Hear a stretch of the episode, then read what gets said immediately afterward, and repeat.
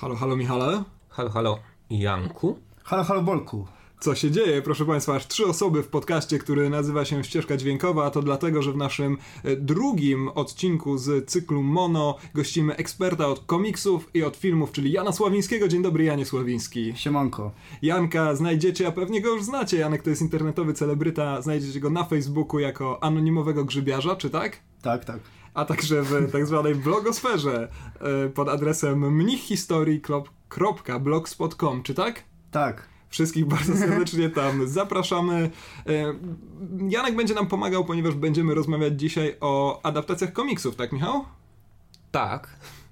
To Skoro co? gość mówi tak, to ja też Dobrze, to musimy robić to, co każe nam Janek. Zapraszamy serdecznie. Zapraszamy. Zapraszamy. Tak.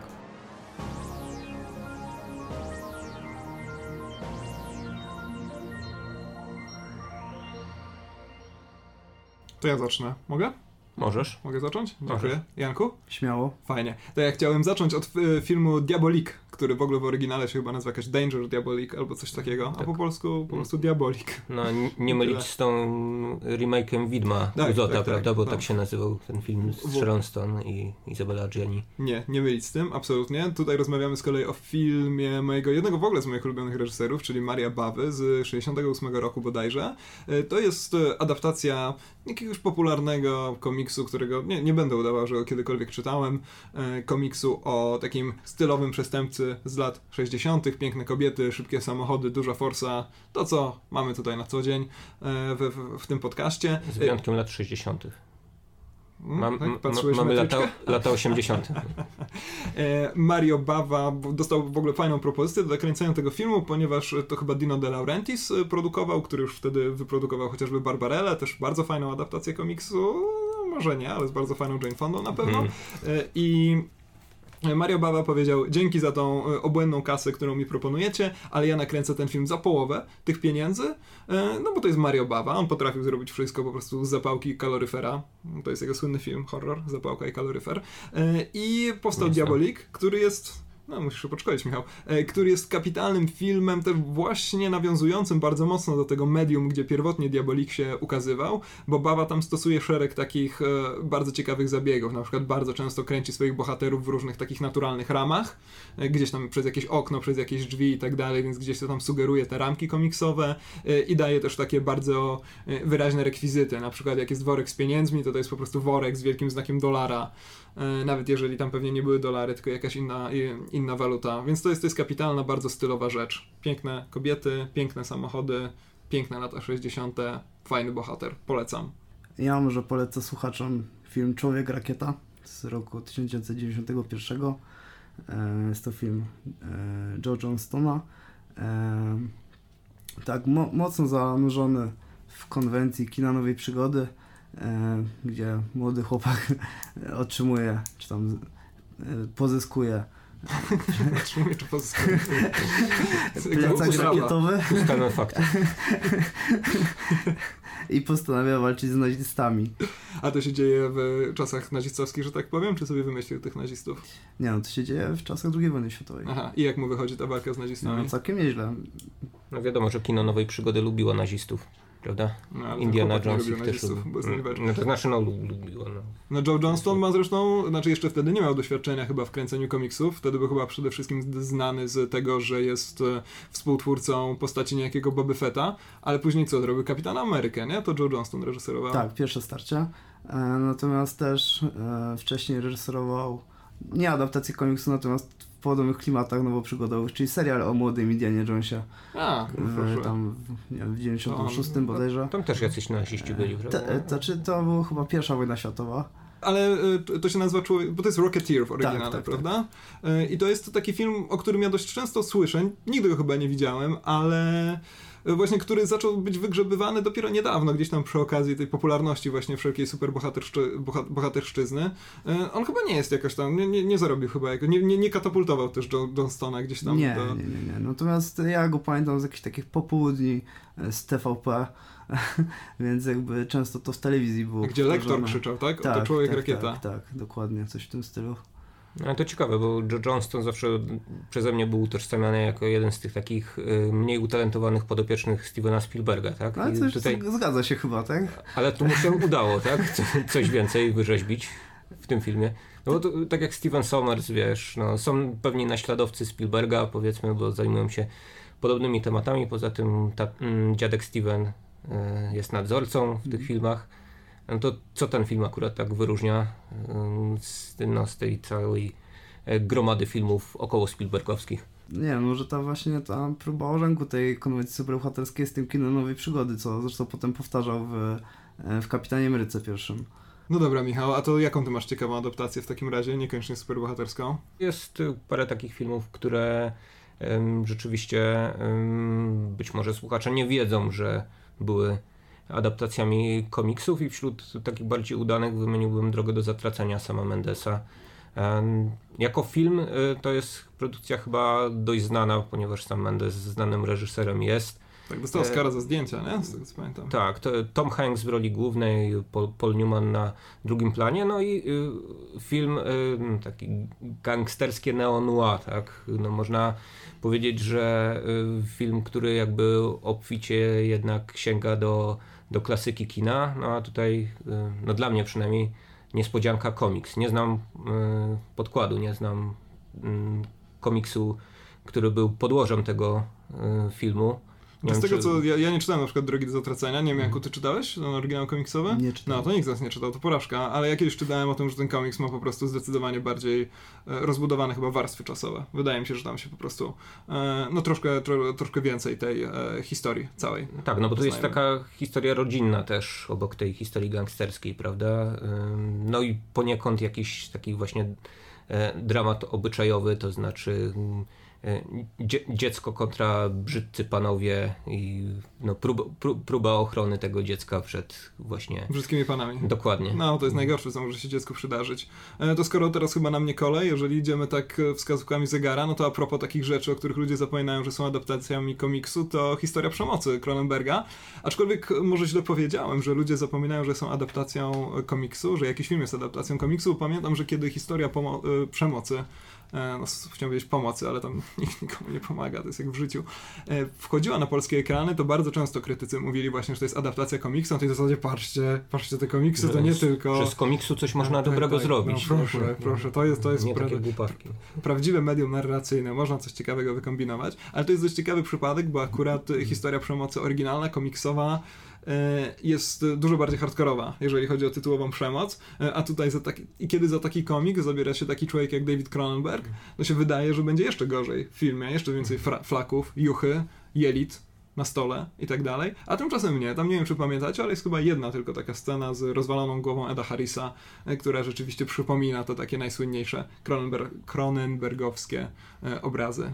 Tak, zaryzykowałbym, że najmniej organiczny z organicznych filmów z y, Cronenberga. Do, no do, tak do są- tamtego czasu w każdym razie. No bo później też już się tam uspokoił, Kosmopolis nakręcił. No tak tak, tak, tak. No, Jung, Jung z Freudem też sobie nie podrzynali gardeł? To ja może odwrócę trochę to pytanie i powiem o tym. O nie, nie, nie tego.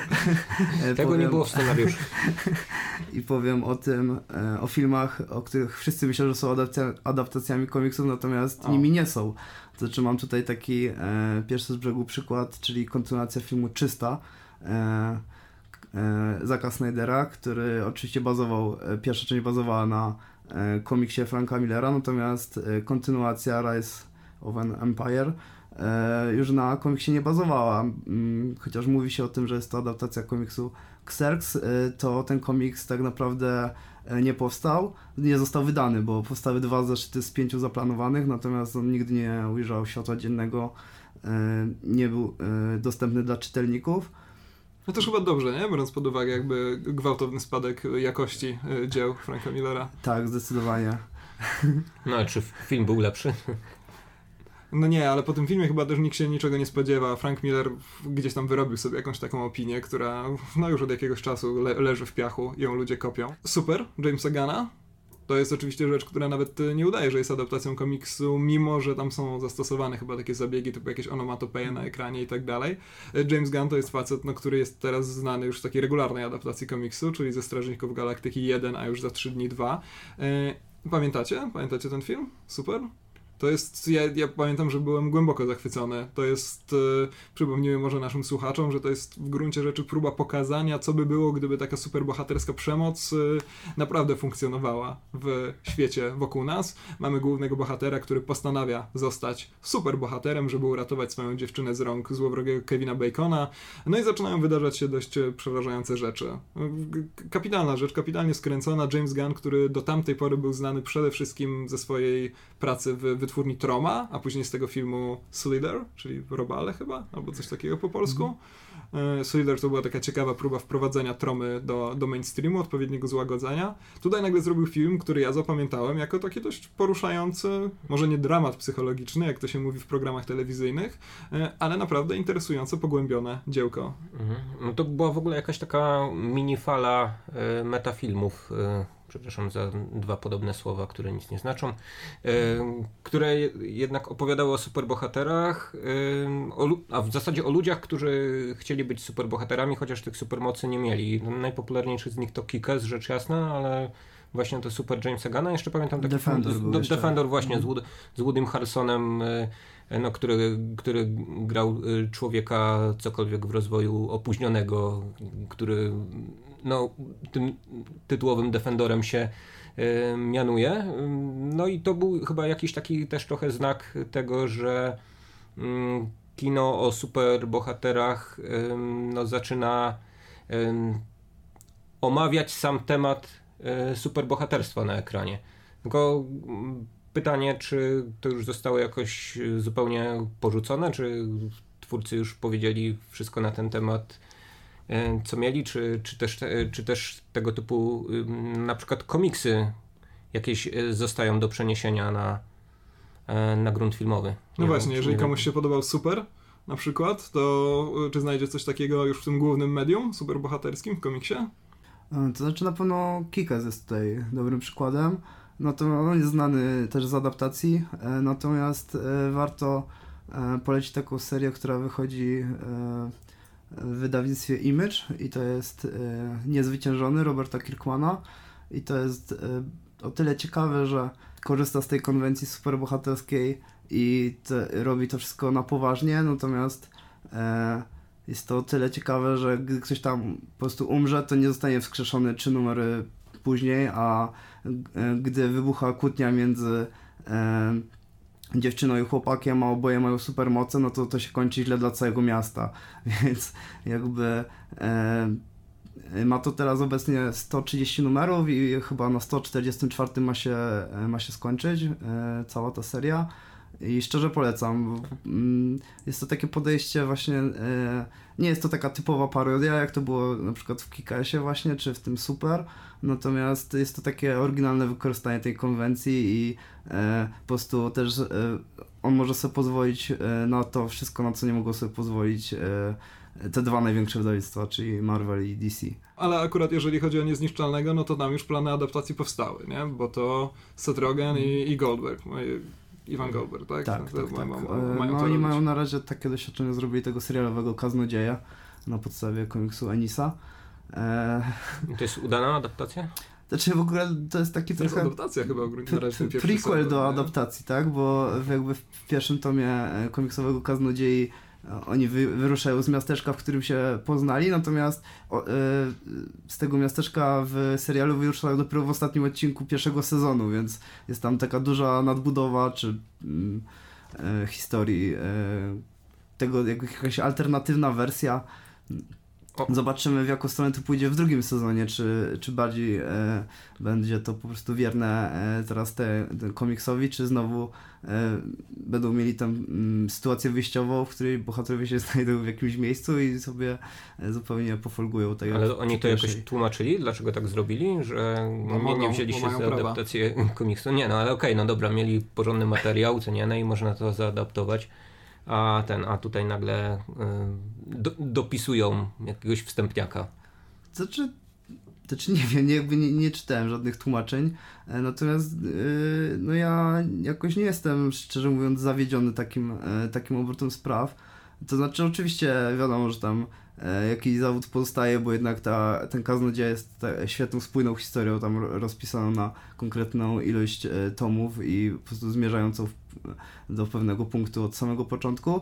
E, natomiast no, wydaje mi się to ciekawe takie e, jakby opowiadanie tego w inny sposób, e, próba pokazania tych bohaterów w innej sytuacji, no, e, no nie wiem, no mi się wydaje, że e, takie przenoszenie na klęczkach e, trochę komiksów na ekran no, jest nudne po prostu. Nie, no jasne, tylko podstawową strategią jednak jest, wiesz, pokaza pokazanie najpierw czegoś, co się sprawdziło, po to, żeby na jakoś zaznajomić widza, e, który komiksów nie czytał, z bohaterami, no a potem robienie z tego różnego rodzaju eksperymentów, czyli właśnie e, prequele, sequele i tak dalej. Nie? Tutaj trochę, trochę poszli pod prąd. No tak, a może po prostu byli już e, nauczeni, ponieważ oni zrobili już wcześniej przecież adaptację historii superbohaterskiej w dwójeczkę i to był Zielony Szerszeń, prawda? Takiej około superbohaterskiej, choć chyba nie, chyba po prostu superbohaterskiej. E, więc e, ludzie pamiętają przede wszystkim o Kaznodziei, a tu jeszcze taka rzecz się wydarzyło po, wydarzyła po drodze. Jeżeli chodzi o Kaznodzieję, to tam jest jeden... Zielony Szerszeń to było słuchowisko, słuchowisko radiowe, tak. jeśli dobrze pamiętam. No dobra, ale, ale to, to czy... Okej, okay, ale to zupełnie w oryginale, ale to, to jest ciekawe w takim razie to, czy oni opierali się nie będziemy się może w tym filmie za dużo grzebać na, na słuchowisku, czy na wersji komiksowej, czy ta wersja super e, komiksowa w ogóle była jakoś rozpowszechniona. E, tak czy owak jest to ciągle historia superbohaterska, tak mi się zdaje, ale jeżeli chodzi o samego kaznodzieję, to tam jest jeszcze jedna ciekawa rzecz a propos ludzi, którzy są za niego odpowiedzialni, bo w czołówce, gdzieś tam wśród producentów wykonawczych można dostrzec Michaela Slovisa, czyli faceta, który jest najbardziej znany z robienia zdjęć do Breaking Bad. I e, Kaznodzieja, no nie wiem oczywiście jaki on miał wpływ na wizualny kształt Kaznodziei, ale wydaje mi się, że ten serial bardzo miejscami przypomina takie efektowne rozwiązania dotyczące plastyki obrazu i kojarzące się z Breaking Bad. Także nawet jeżeli ja trochę się męczyłem oglądając te wszystkie e, te, ten cały sezon, choć ostatni odcinek jest wspaniały, to wygląda to rzeczywiście miejscami, miejscami bardzo efektownie. E, życie Adeli to jest taka rzecz, o której też krytycy ze zdziwieniem stwierdzali, że jest to na podstawie historii o, e, przepraszam, że jest to na podstawie historii przedstawionej w formie rysunków z dymkami. E, pamiętacie to? E, film Keshisha, który no, zdobył Złotą Palmę w Cannes. Film Keshisha pamiętam dobrze, bo oglądałem mhm. go z pierwszego rzędu.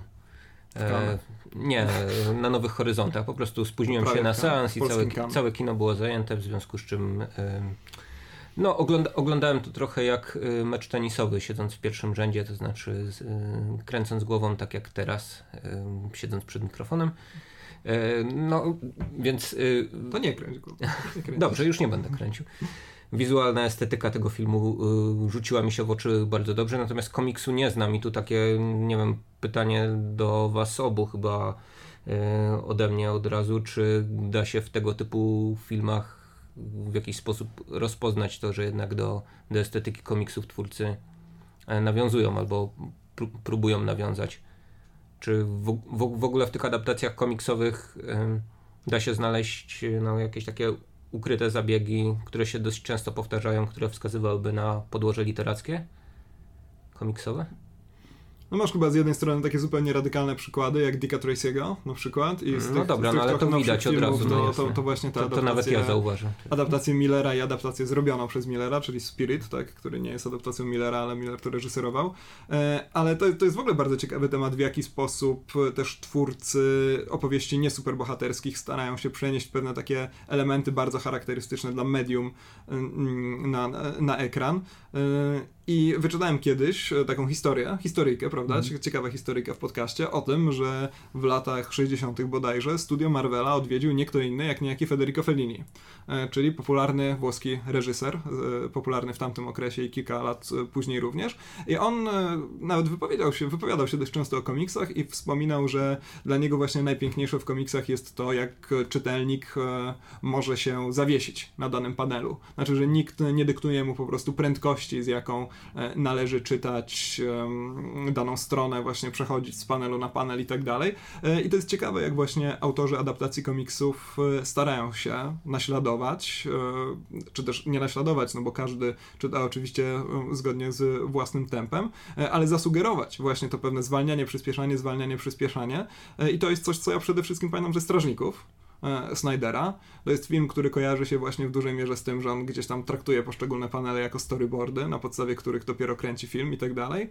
No nie mówiąc o tym, że to jest film dość mocno fabularno zmieni fabularnie zmieniony jednak w stosunku do pierwowzoru mm, Murray Gibbonsa, ale nie wiem, czy pamiętacie, że tam chociażby ta pierwsza scena walki to jest takie przyspieszanie, zwalnianie, przyspieszanie, zwalnianie. No, ostatnio Zack Snyder lubi zwalniać zwłaszcza, nie? To tak, żeby wszyscy... Ludzi?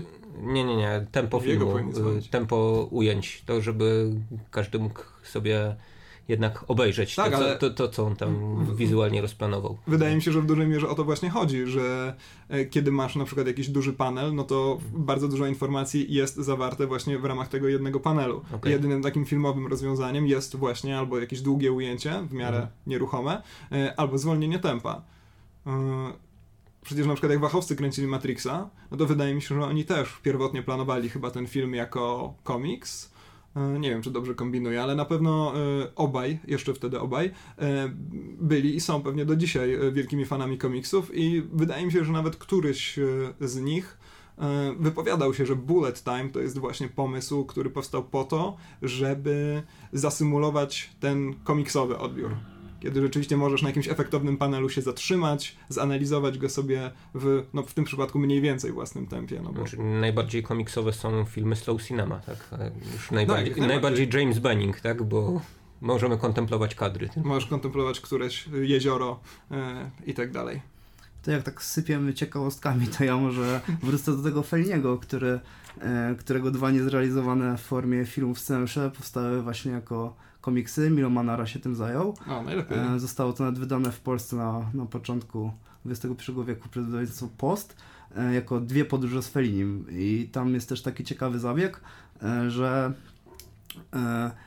Manara nie przeniósł po prostu tych scenariuszy, nie, nie przeniósł tej historii po prostu na łamy komiksu, natomiast pokazał jakby making of tych filmów, czyli po prostu w kadrze często rysuje na przykład ekipę filmową, która kręci właśnie te E, scenariusze Felniego. Okej, okay, a nikt nie próbował się zabrać za to w turnie jeszcze potem i zrobić z tego filmu, czy... Nie wiem, nie, nie, nie, nie, nie dotarłem do takiej informacji, szczerze mówiąc.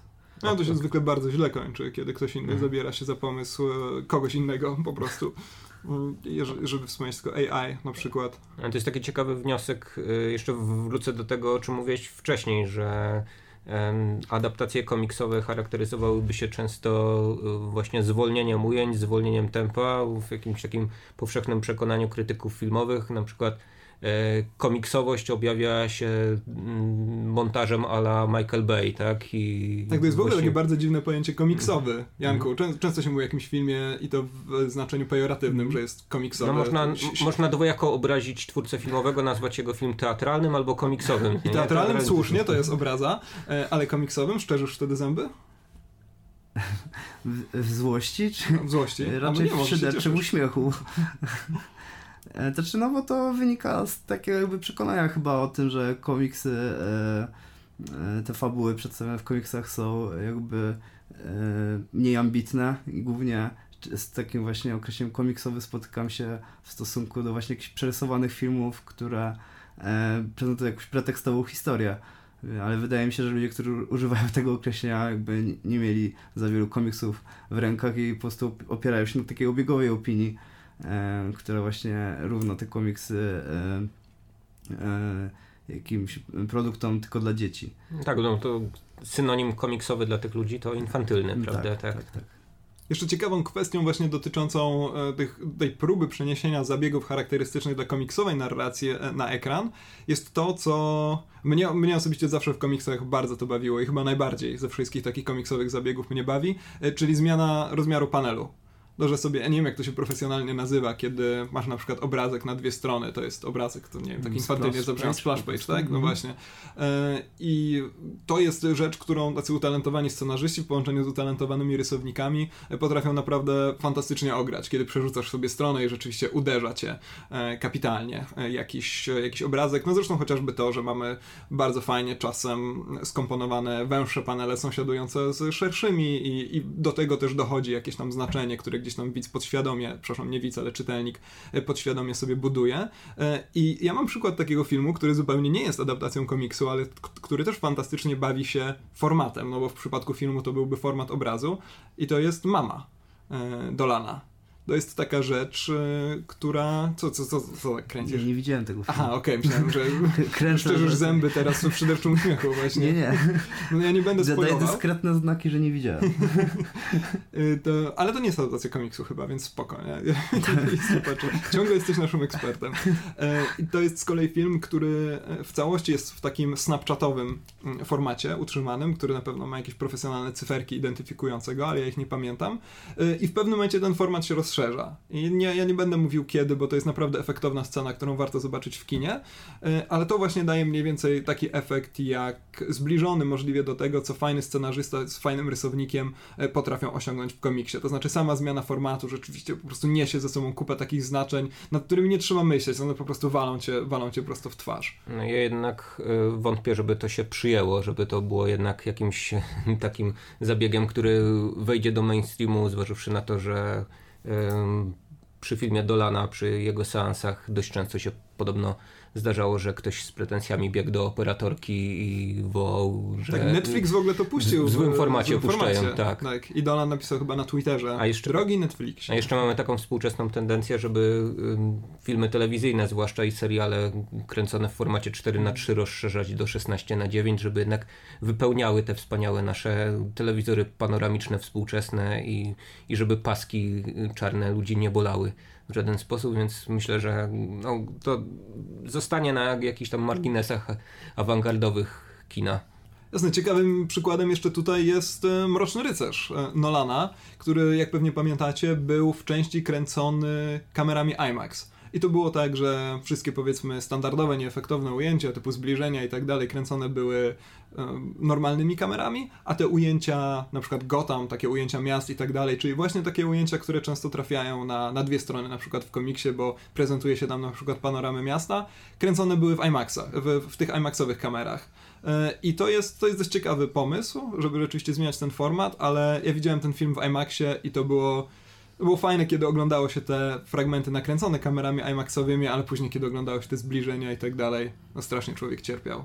E, To jest jakieś tam, że nie wiem, czy Nolan jakby robił to myśląc, o tak, tak, to jest filmowy odpowiednik komiksu, nie? Pewnie nie, bo nie jest w gruncie rzeczy, to jest jednak ciągle inne medium zupełnie, ale jest to ciekawa próba. No właśnie chyba oglądając film jednak y, domagamy się spójności, prawda, stylistycznej. To znaczy jesteśmy w stanie zaakceptować różnego rodzaju stylistyki, estetyki. Może być współcześnie spokojnie nakręcony film czarno-biały, może on być nawet niemy, może być e, ziarno większe lub mniejsze, może być w 3D bądź nie. Natomiast od początku do końca chcemy jednak, żeby to wyglądało w miarę spójnie. Znaczy może być jakieś, nie wiem, na przykład pęknięcie w połowie filmu, ale jeżeli ktoś zacznie nam e, ten, tymi elementami żonglować, to no, czujemy się chyba jakoś nieswoje. Znaczy, wydaje mi się, że to wytrąca jednak z, z percepcji filmu, że w tym, w tym medium to się chyba raczej nie sprawdzi.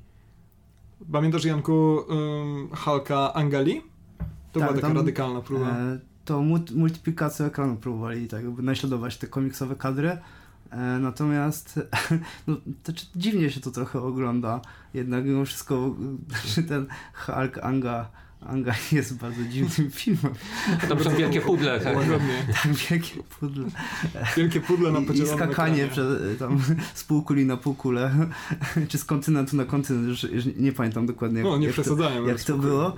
E, ale na, natomiast jeśli chodzi o takie naśladowanie jakichś komiksowych środków, to świetnie się to sprawdza w Scottie Pilgrimie Edgara Wrighta, który jest w ogóle strasznie rozbuchany właśnie tak formalnie i ma tam całe mnóstwo e, takich efektownych pomysłów.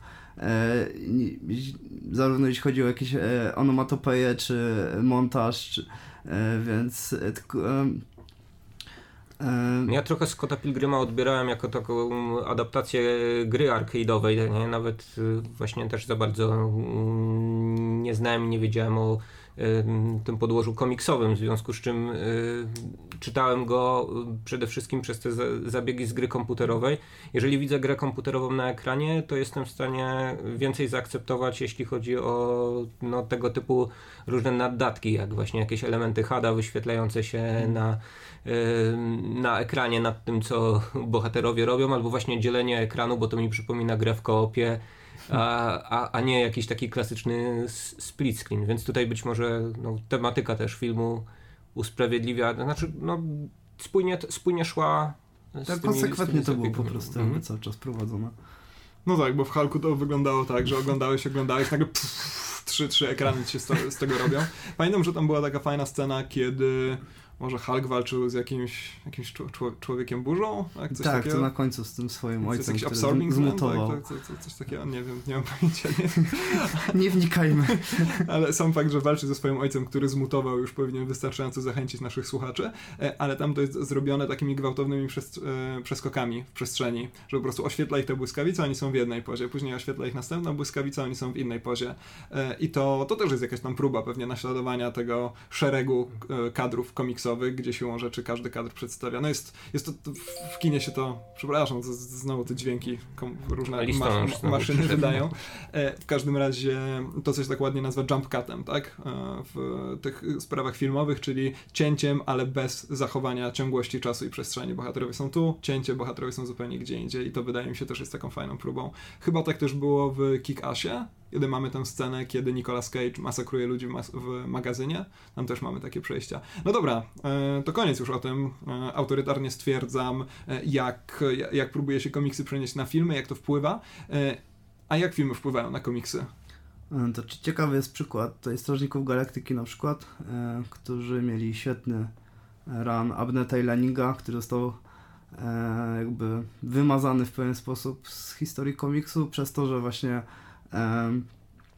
miała pojawić się adaptacja. E, te przygody e, e, Quilla i Spooky jakby miały miejsce, natomiast zostało to tak zrobione, że, że nowy czytelnik wchodzi w ten run Bendisa zupełnie bezboleśnie i drużyna została podporządkowana temu, co widzimy w filmie, czyli nie ma tam żadnych postaci, które... Znaczy jest Iron Man, tak? Ale natomiast on tam został wrzucony, podejrzewam, że po to, by przyciągnąć czytelników, którzy o e, Strażnikach nie słyszeli, bo jednak był to e, no jednak był to komiks dużo mniej znany niż Spider-Man, Iron Man i tak dalej. Te najpopularniejsze wywindowane są też przez filmy ostatnimi czasy e, komiksy. E, ciekawe jest też to, że ta, ta sytuacja, o której mówisz, ciągnie się tak naprawdę na tym przecięciu audiowizualnych mediów i komiksu, bo jeszcze za czasów tego serialu o Supermanie, Supermanie z Reevem, tak, czyli tego, którego Ben Affleck grał w Hollywoodland, mm -hmm. um, mieliśmy do czynienia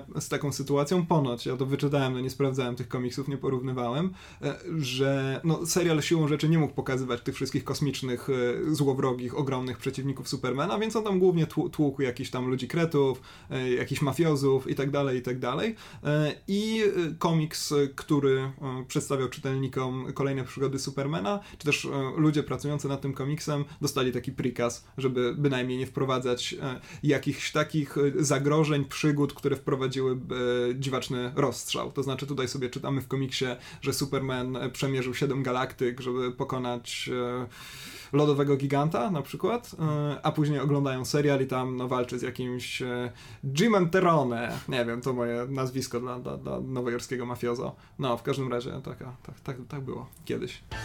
No, wspomnieliśmy o niezniszczalnym Kirkmana i o tym, niezwyciężonym, przepraszam, mm -hmm. i o tym, bo czy to się ukazało w Polsce? Ma jakiś oficjalny nie, polski nie, tytuł Invincible? Nie ma, okej. Okay. To jest ten człowiek w ogóle od żywych trupów, tak? Tak, tak. tak. Okay.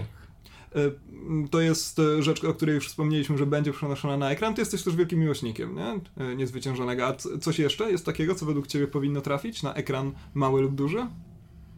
To czy w ogóle, znowu znaczy... To nie jest egzamin z polskiego.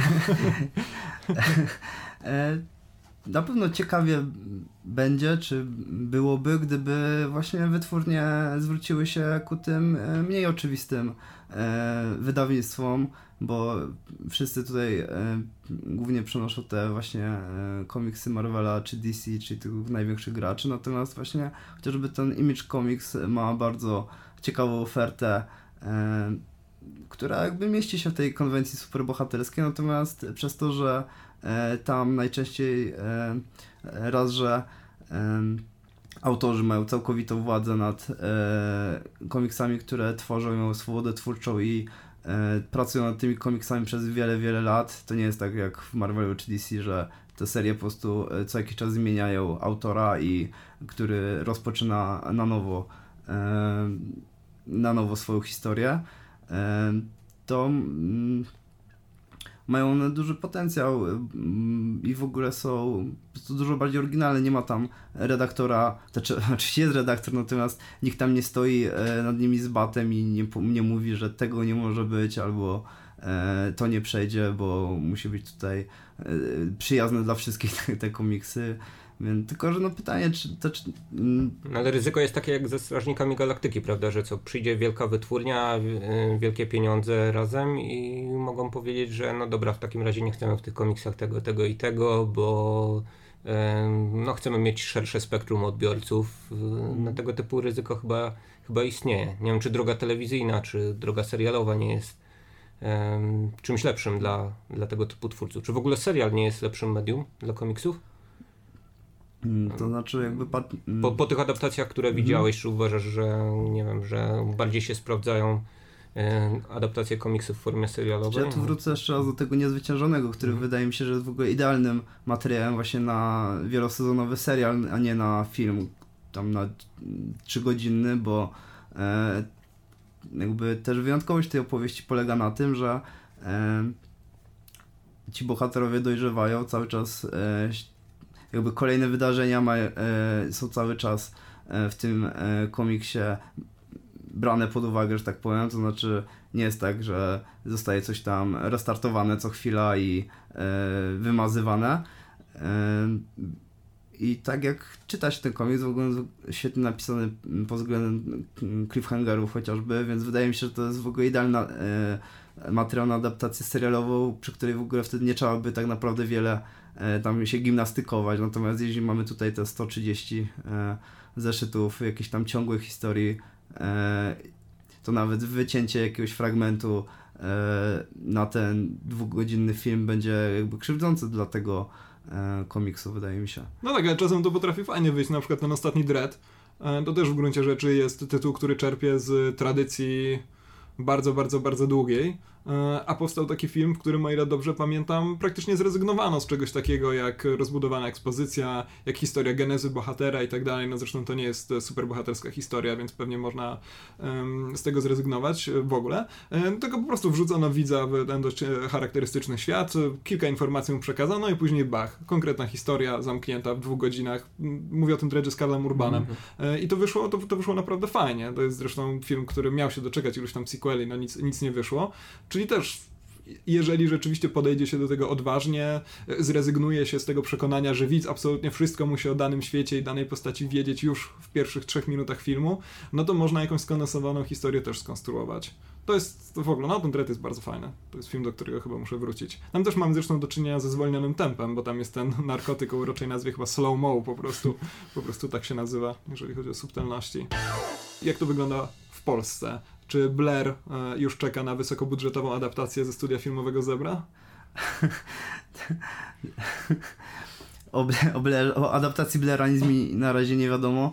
Teraz e, Rafał Szopa na pewno by się ucieszył, gdyby ktoś zapukał do jego drzwi pewnego ranka i powiedział hej, zaadaptujemy twój komiks. Czego mu życzę oczywiście. Możemy, bo jakby... możemy, możemy pójść i powiedzieć.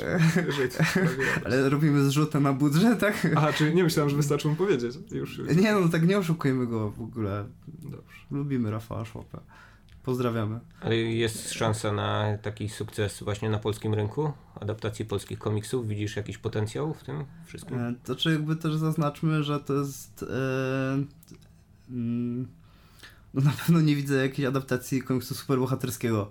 E, mhm. Tylko jeśli już, to wydaje mi się, że na pewno te rzeczy, które powstają obecnie, czyli adaptacja Diplodoka Tadeusza Baranowskiego, i e, no, chociażby serial Tymek i Mistrz e, na podstawie komiksów Rafała Skarżyckiego i Tomka Leśniaka. No, to jest jedna z najwybitniejszych rzeczy, jakie polska kultura kiedykolwiek siebie wydała. Jest mistrzostwo Polski, że tak staram się posłuchać. e, to mi się wydaje, że to na pewno e, trafi. Znaczy ja miałem okazję widzieć pilota tego serialu e, i to jest e, cudowna rzecz, w ogóle urocza, no nie, znowu złe słowo, tak? No nie można mówić o uroczy. O ale chyba jak tak? powiedziałeś uroczy, to już, to już wywaliśmy ten fragment chyba. Aha, dobra, ale powiedzieć. ten serial jest uroczy. A to, to pasuje do tym tutaj chyba, tak. pozytywnie. Tak. A czy to, przepraszam, czy to będą takie króciutkie odcinki? Tak, one tam chyba 10 e, minut ten pierwszy ma coś no, takiego. No to i tak był ja. Chociaż Biorąc pod uwagę, że jeden komiks mogę coś mylić czyta się teraz. 30 sekund. Mogę coś mylić teraz.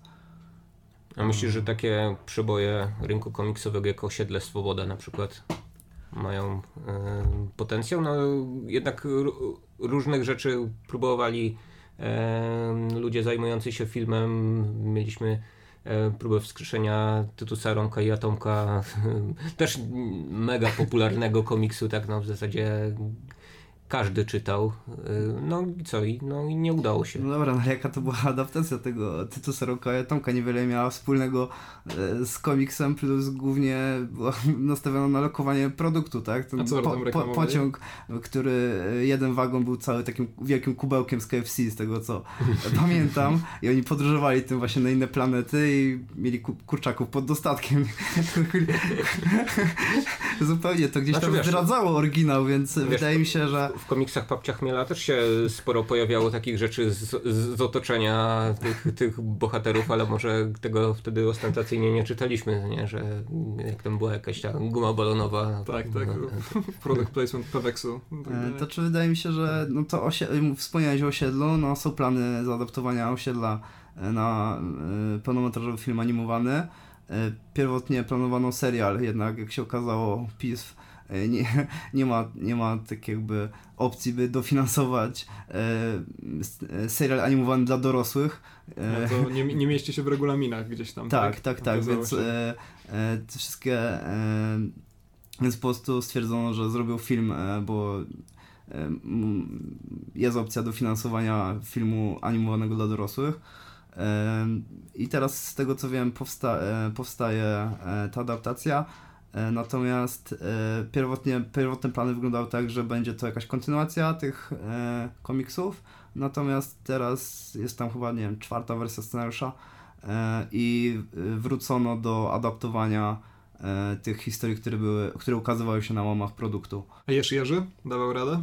Filmowy? To, już, to, jest, to jest odpowiedź. Tak, wystarczy nam za komentarz. Bez komentarza. A co z tą adaptacją Wilka? To kupił w ogóle Kanal Plus z tego, co A, mi się, e, jeśli się nie mylę. I to będzie w formie serialu, takiego właśnie e, też chyba 10 minut.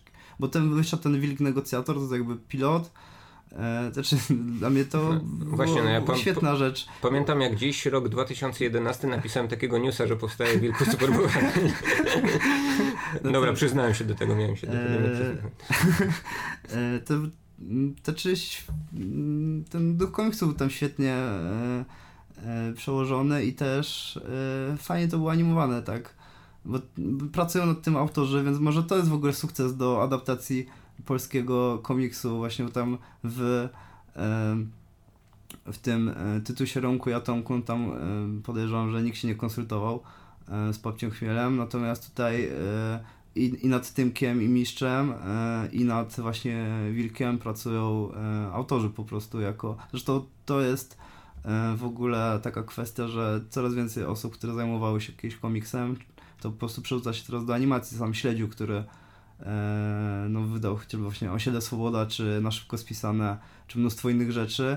I kiedyś ciągle czas komiksu, teraz po prostu pracuje na etacie w filmie, w firmie, e, która robi animacje e, i komiks jest dla niego już teraz jakimś tam pracą po pracy, jak to mówi.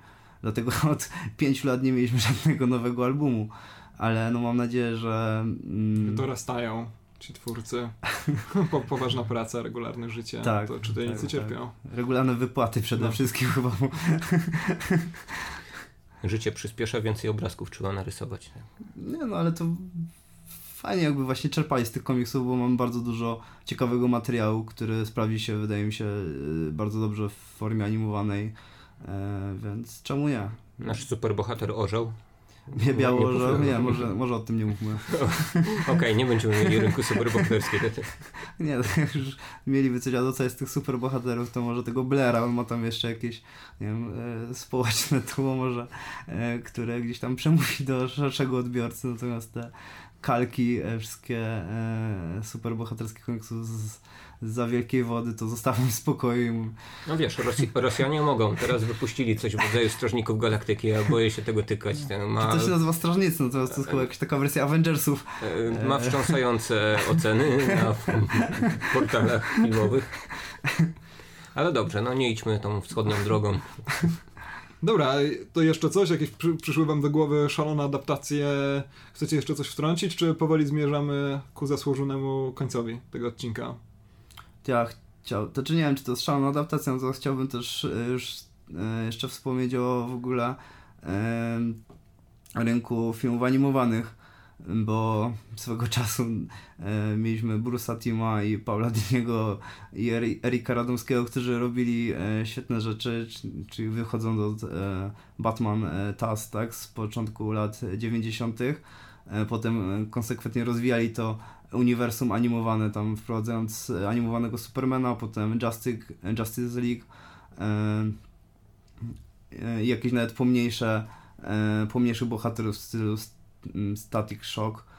Natomiast teraz to wszystko leży i kwiczy za przeproszeniem, bo oni wypuszczają takie pełnometrażowe animacje co kilka miesięcy, chyba dwie albo trzy w roku. Natomiast to wszystko jest i to jest oparte najczęściej na niedawno wydanych historiach, więc starają się być na bieżąco mniej więcej. Natomiast, znaczy niekoniecznie, bo z drugiej strony mieliśmy Killing Joke, tak, który no, No nawet wszedł do jest- naszych kin. Tak, wszedł do, no i też Choć tam ten pierwowzór został dość wy, wyraźnie zmodyfikowany. tak, tak, tak, tak. Uzupełniony. E, niestety.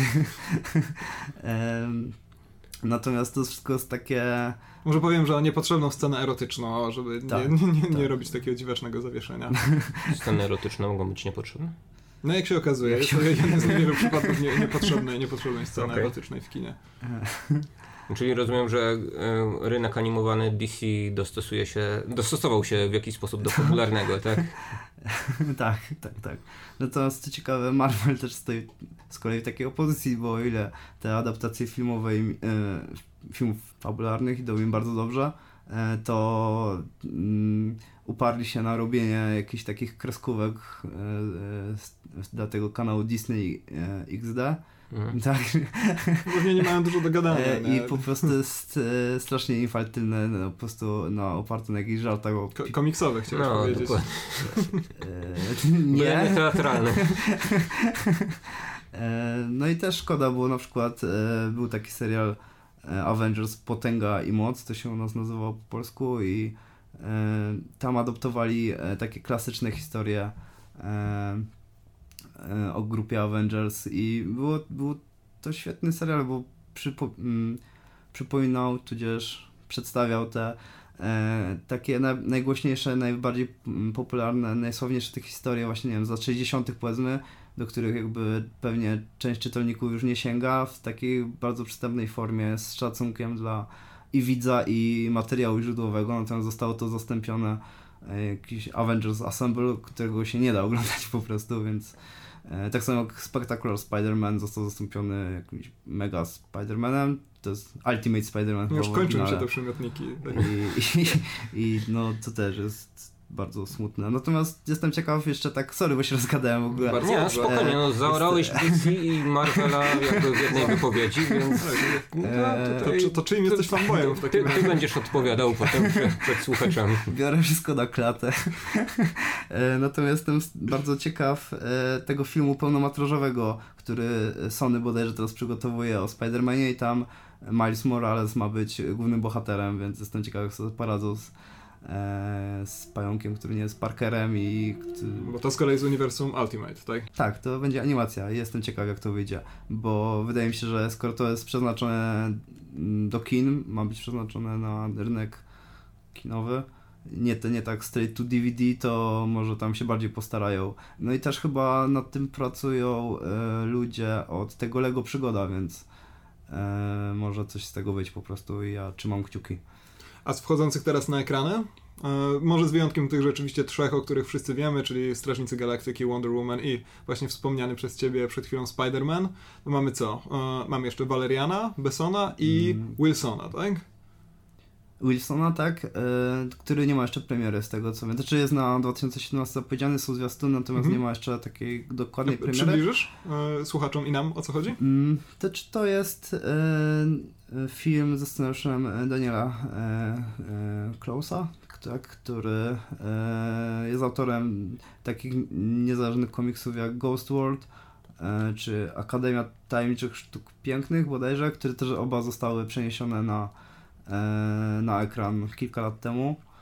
Mm, no i to będzie taki, tutaj to nie będzie zupełnie, to będzie takie kino niezależne, więc zupełnie wydaje mi się wyciszone, stojące w całkowitej opozycji do tych blockbusterów, o których wszyscy gdzieś tam słyszą.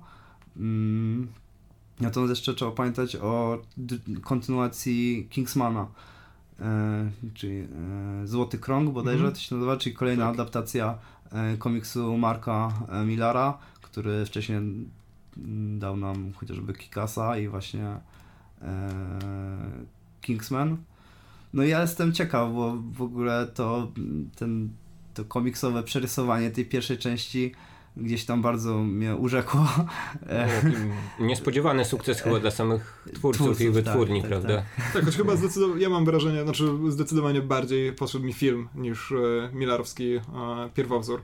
E, tam chyba, chyba, chyba Gibbons robił tak, tak, tak, tak. rysunki mhm. E, i pamiętam, że no w tym przypadku akurat chociażby ten pomysł na to, co już się w historii kina nazywa sceną w kościele, no. E, który był bardzo oryginalny na tym czysto audiowizualnym poziomie, mhm. rzeczywiście potrafił pokazać coś w ramach efektów specjalnych, czego jeszcze nie widzieliśmy, no to to wystarczyło, żeby żebym zapomniał o tym w sumie dość miałkim, tak, tak mi się zdaje, pierwowzorze Millarowskim. Ale Miller mam wrażenie no, no, dość dużo tego adaptują i on chyba też bardzo się stara, żeby mu adaptowali te filmy i tak dalej. No ale to na razie wychodzi całkiem ciekawie, no. Tak, to, podobnie było z tym e, Wanted ścigani. Mhm. Beckman, Betowa, e, Timura. Mhm. Z, z Angeliną Jolie. Mhm. Komiks też był taki do przeczytania i nie wiem, no, można było się uśmiechnąć i zapomnieć, natomiast film tam miał kilka ciekawych e, motywów, chociażby to e, słynne fuck you z, kla e, z klawiszy, tak? Więc nie no, A propos służą, przenoszenia służą, komiksowych tak, rozwiązań. Służą mu chyba te adaptacje. No tak jak zauważy, że ten e, Kingsman był dość miałki, natomiast no e, dla mnie ten film był rewelacyjny. Po prostu bawię, oglądałem go już kilka razy, bawię się na nim za każdym razem doskonale i, i jakby czekam na drugą część pewnie bardziej niż na Wonder Woman czy nie, na Wonder Woman. nie zapędzajmy się. Dobra, e, to przypomnij naszym drogim słuchaczom, Janku, gdzie cię można znaleźć w internetach? Na Facebooku jako anonimowy grzybiarz i e, nie wiem, jak ty to ładnie tam na początku określiłeś, jakoś w, w blogosferze. W blogosferze, tak? No tak po prostu mówi. mam bloga, e, e, które jeśli chcecie go znaleźć, nie wiem, w Google to też po prostu blog anonimowego grzybiarza, natomiast adres to mnichhistory blogspot.com, wrzucimy linki, dzięki, nie bądźcie zbyt surowi. Jestem cały zestresowany, siedzą tutaj naprzeciwko mnie, patrzą, Dokładnie. pokazują jakieś dziwne rzeczy rękami, ja nie wiem o co im chodzi, czy już mam kończyć, czy mam mówić nie, więcej. Nie pozwalają się bawić długopisem w trakcie tak, nagrania. Mikrofon wszystko rejestruje. No a my z Michałem zapraszamy serdecznie na kolejny regularny odcinek już niedługo. Sayonara żółwie.